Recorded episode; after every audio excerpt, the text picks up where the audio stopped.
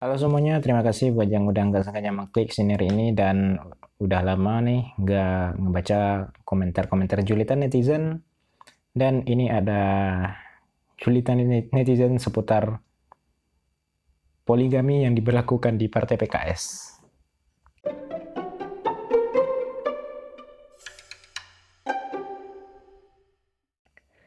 Jadi eh, baru-baru uh, ini Partai PKS mempersilahkan kadernya untuk berpoligami. Nah, kebijakan berpoligami merupakan bagian dari program solidaritas tiga pihak yang digagas oleh PKS. Nah, untuk syarat-syaratnya cukup gampang. ya, ini yang pertama dari segi finansial atau uh, mampu dari segi finansial atau bisa menafkahi secara lahir maupun batin.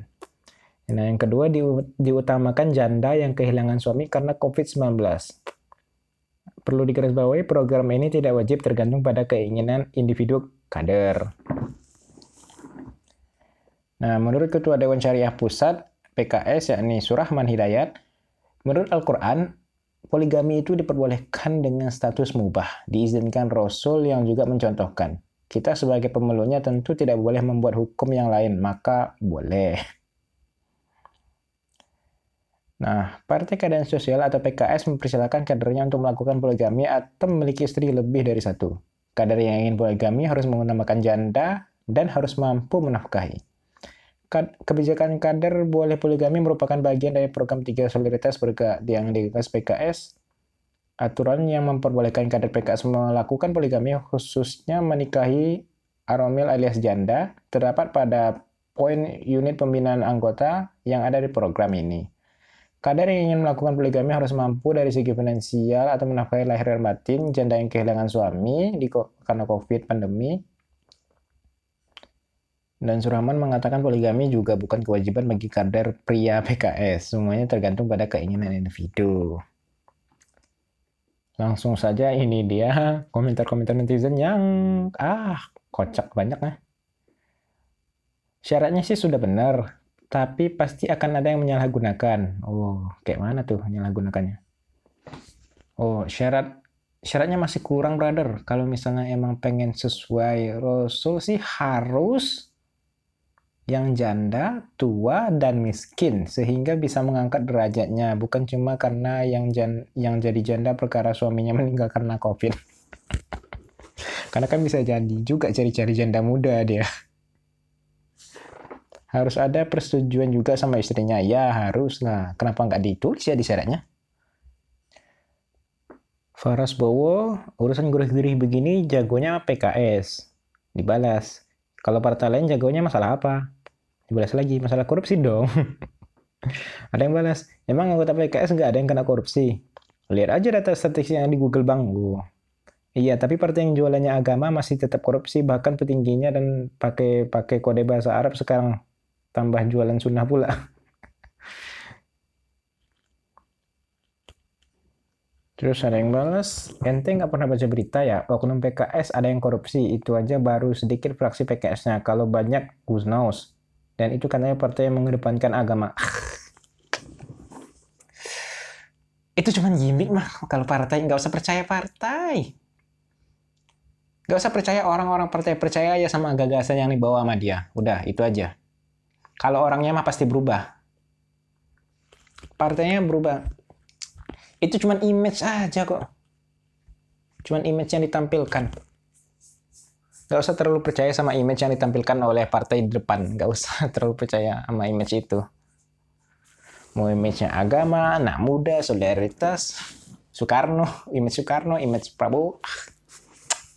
Cuman image itu. Tapi kan yang menjalankan itu kan orang-orang yang berbeda. Emang emang bisa menjamin bahwa semuanya itu agamanya benar gitu. Emang bisa menjamin semua anggota kadernya benar? Enggak. Orang itu satu partai beda, banyak orang kok isinya. Kalau masalah partai mana yang nggak korupsi, benar jamin gue pasti semua partai pernah korupsi. Nggak mungkin yang nggak ada, nggak mungkin yang nggak ada. Pasti pernah. Walaupun itu sedikit, pasti pernah.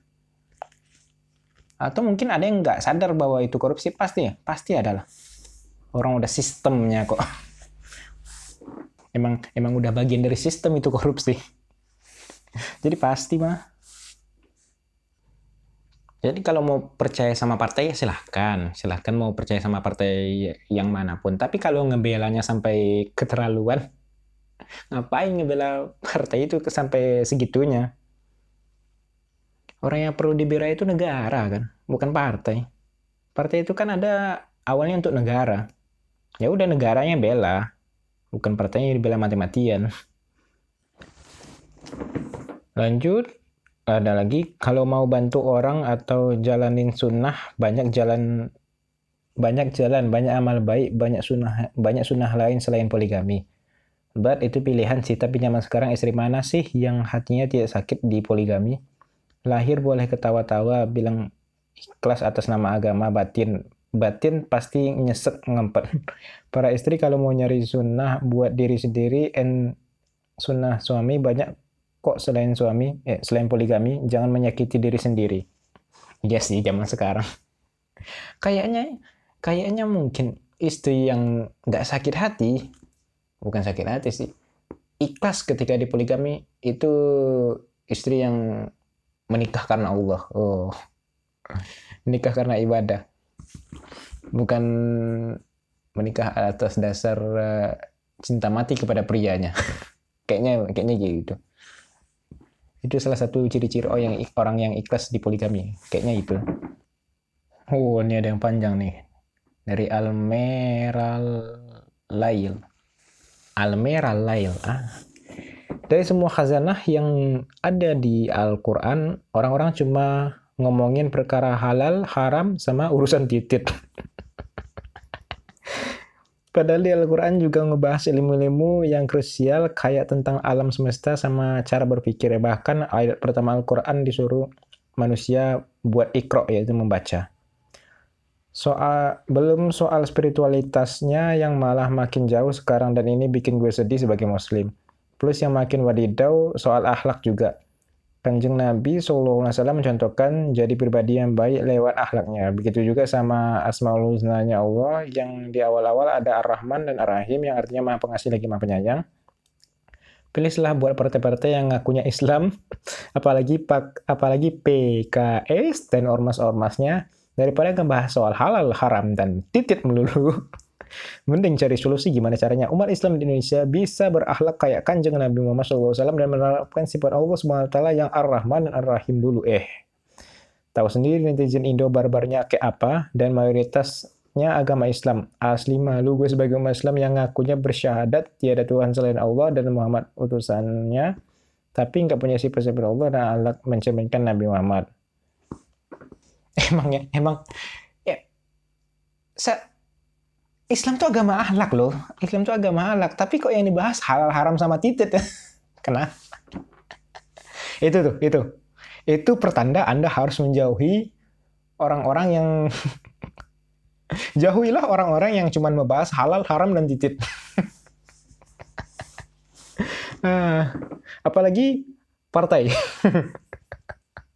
orang aja eh, orang yang kayak gitu aja ngeselinnya apalagi berkumpulnya, orang-orang tempat kumpulnya. Tapi PKS melakukan ini pastilah ada maksud lain kan. Contohnya untuk mendapatkan exposure lagi, untuk mendapatkan atensi lagi, ya untuk mendapatkan perhatian lagi. Itu mah alasan orang-orang mengambil keputusan-keputusan dan tindakan-tindakan yang kontroversial seperti ini. Kayak PSI, ketika awal-awal dibentuk gitu kan, mereka bilang mereka menolak poligami. Itu tentu akan banyak menjadi perbincangan. Makanya mereka mengambil jalan itu. Karena pasti, pasti banyak diperbincangkan sehingga PS, nama PSI muncul ke permukaan dan setidaknya mendapatkan atensi dari masyarakat. Sehingga masyarakat uh, bertanya PSI ini kayak mana sih gitu. Dan terbukti kan mereka akhirnya dapat kursi di DPR Ya, walaupun nggak banyak, nama juga partai baru. Ada lagi dari The Fundis. Oh, ini membandingkan pacaran dan poligami. Pacaran. Anak orang dipegang, disium, bahkan ada yang dipakai sampai bunting dan itu gratis. Nggak ada yang ribut. Eh, ada yang ribut loh kalau sampai bunting. Eh, jangan sembarangan. Kalau sampai bunting ada yang ribut. Poligami, dinikahin dan dinafkahin dan itu nggak gratis, malah pada ribut. Pada kenapa sih kawan? ah, semuanya punya poinnya masing-masing.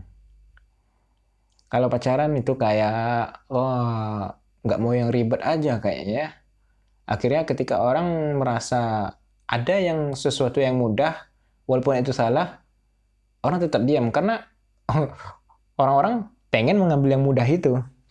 Sedangkan untuk poligami, ya itu masalah mendua. Masalah perselingkuhan selalu menjadi masalah yang kontroversial di Indonesia.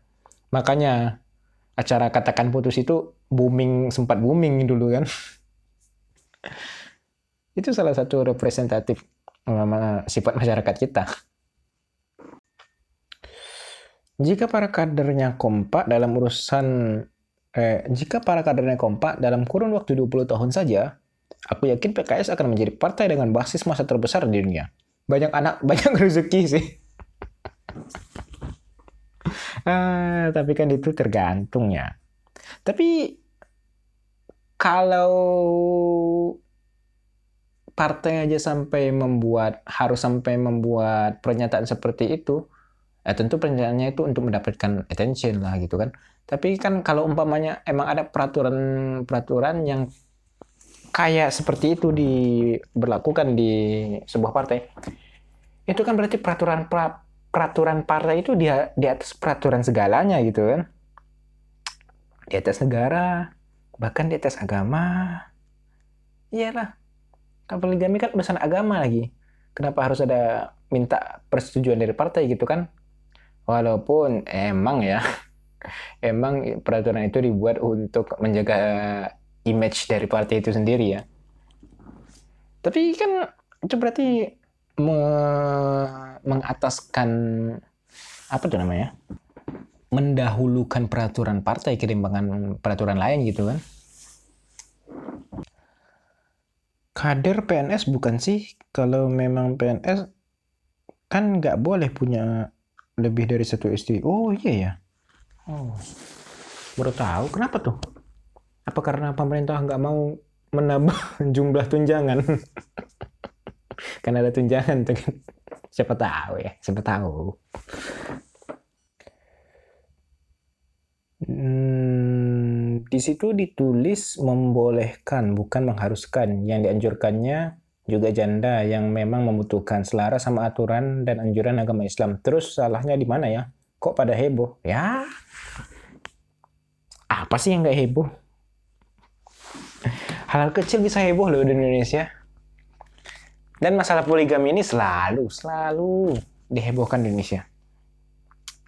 Padahal itu kan pilihan orang. Ya udah kalau emang itu pilihannya ngapain kita ribut gitu kan? Itu juga uh, termasuk uh, ke dalam urusan dia dan Tuhannya gitu kan. Dia mengambil jalan seperti itu urusan dia dan agamanya gitu. Ya udah itu pilihan dia. Itu tanggung jawab dia dengan Tuhannya dan kayaknya kenapa halal poligami ini selalu uh, ramai di Indonesia karena yang suami berteriak setuju, setuju, setuju. Yang istri teriak apaan, apaan, apaan. Genit kamu. Sepertinya yang kayak gitu tuh orang-orang yang tidak tidak bahagia dengan pernikahannya. Yang merasa terkekang dengan pernikahannya.